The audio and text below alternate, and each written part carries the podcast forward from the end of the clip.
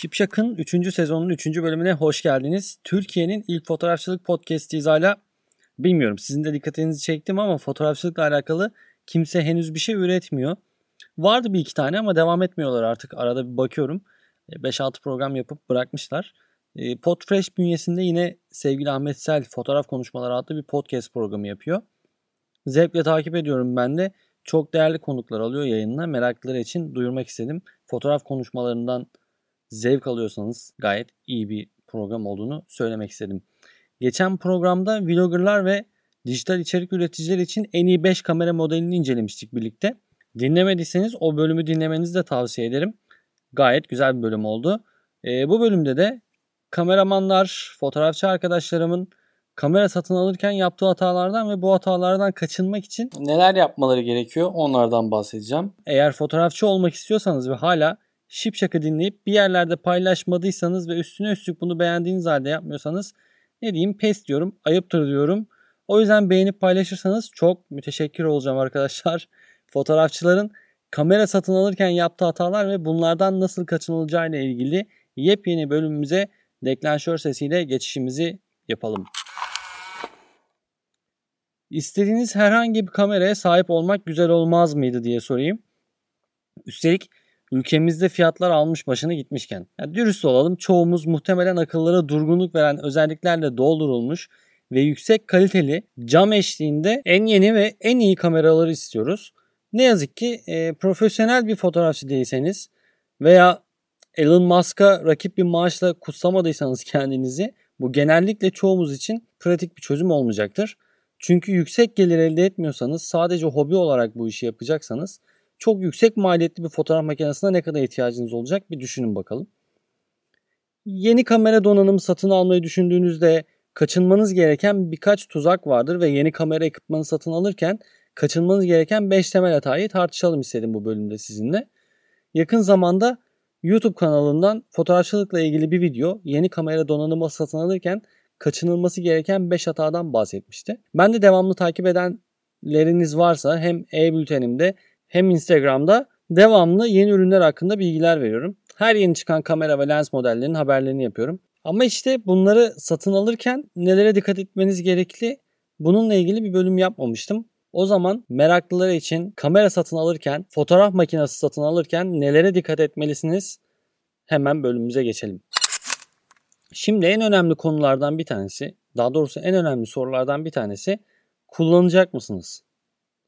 Phase One XF IQ4 150 megapiksel gibi kameraları rahatça karşılayabiliyorsanız ancak buna pek ihtiyacı olmayan bir sokak fotoğrafçısıysanız o zaman bu satın alma işlemini yapmak muhtemelen iyi bir fikir değil. Aslında kullanmayacağınız bir kamera satın almanın çok az bir anlamı var. Taşınabilirlik çok da önemli ve doğru türde ortam için doğru kamerayı satın almak çok önemli. Ya sokak fotoğrafçıları, düğün fotoğrafçıları için ekipman çokluğu çok önemli ya da azlığı diyeyim. Ne kadar az taşınabilirlik o kadar az yorulma ve daha fazla gezinip daha farklı mekanları fotoğraflamak anlamına da gelir aynı zamanda. O yüzden daha baştan taşınabilirliği daha zor olan bir kamera tercih ederseniz ki hiç ihtiyacınız yokken oldukça zorlanacaksınız da. O yüzden bir kamerayı satın alırken ya da satın almadan önce bunu kullanabilir miyim, kullanacak mıyım diye kendinize sormanızda oldukça fayda göreceksiniz. Bu ilk adımlardan bir tanesi. O zaman hemen ikinci adımımıza da geçelim. İkinci adım ihtiyacınız var mı? Bir, kullanacak mısınız? İki, ihtiyacınız var mı? Kamera üreticileri bazı inanılmaz şeyler üretiyor. Tüm spesifikasyonlara ve özelliklere sarılmak kolay olabilir. Ancak sırf en yeni ve en iyi özelliklere sahip olduğu için bir kamera satın almayı düşünmemek çok daha önemli. Yani bir kamera çok çok iyi özelliklere sahipse onu almayı düşünmeyin ilk başta. Bu satın alma işlemini yalnızca size gerçekten fayda sağlayacaksa ve gerçekten ihtiyacınız varsa yapın. Bir kamerada 8K video özelliklerine sahip olmak kulağa harika geliyor tabii ki. Ancak video çekmezseniz size çok az şey sunuyor bu kamera. Ekipman satın almak yararlı olabileceğini düşündüğünüz şeylere değil, gerçekten ihtiyacınız olan şeylere göre satın almak genellikle daha iyidir. Yani her özelliği olsun istiyorsanız yine de isteyebilirsiniz tabii ki. Kimsenin isteklerine ve yapacaklarına karışacak kişi ben değilim burada. Ama sonrasında 8K özelliğini atıyorum. Hiç kullanmadığın bir cihaz için bütçen de sınırlıysa verdiğin paranın pişmanlığını yaşamamak senin için en önemli şey olmalıdır. Bakın ben 6D Mark II kullanıyorum. 4000 shutter speed destekliyor. Ama ben moda fotoğrafçısıyım. Aynı zamanda ürün fotoğraf çekimi yapıyorum ve benim ihtiyacım olan maksimum shutter speed zaten 2000-3000 arası. O da maksimum gerçekten. Yani zaten para flash ışıklarla çalışırken o kadarına da ihtiyacınız olmayacak. Ama sırf daha iyi diye 1DX tercih etmedim. Ve aslına bakarsanız totalde karım 15.000 TL gibi bir rakam.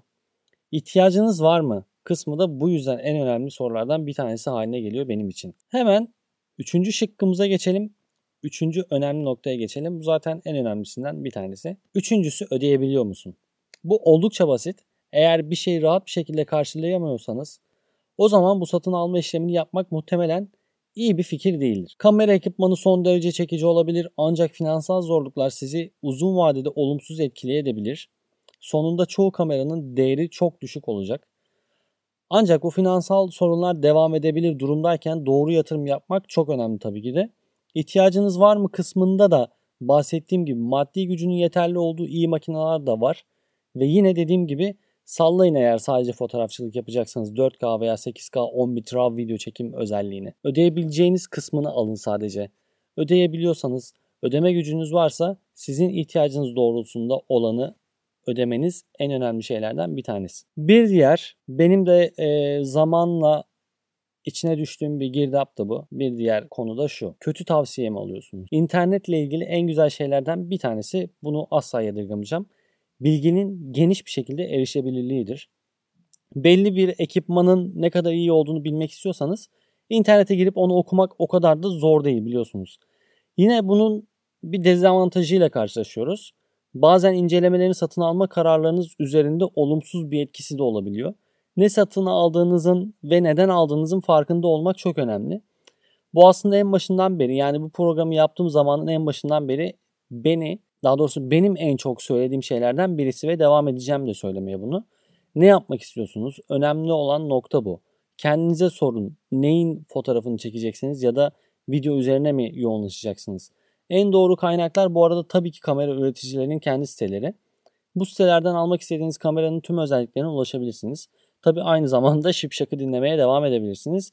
Bir sürü tavsiye ve fotoğrafçılıkla alakalı durmadan bilgiler veriyorum ben de. E, son şıkkıma geçmeden önce birazcık saçma bir şık olacak ama bu galiba bir sendrom, genel adaptasyon sendromu.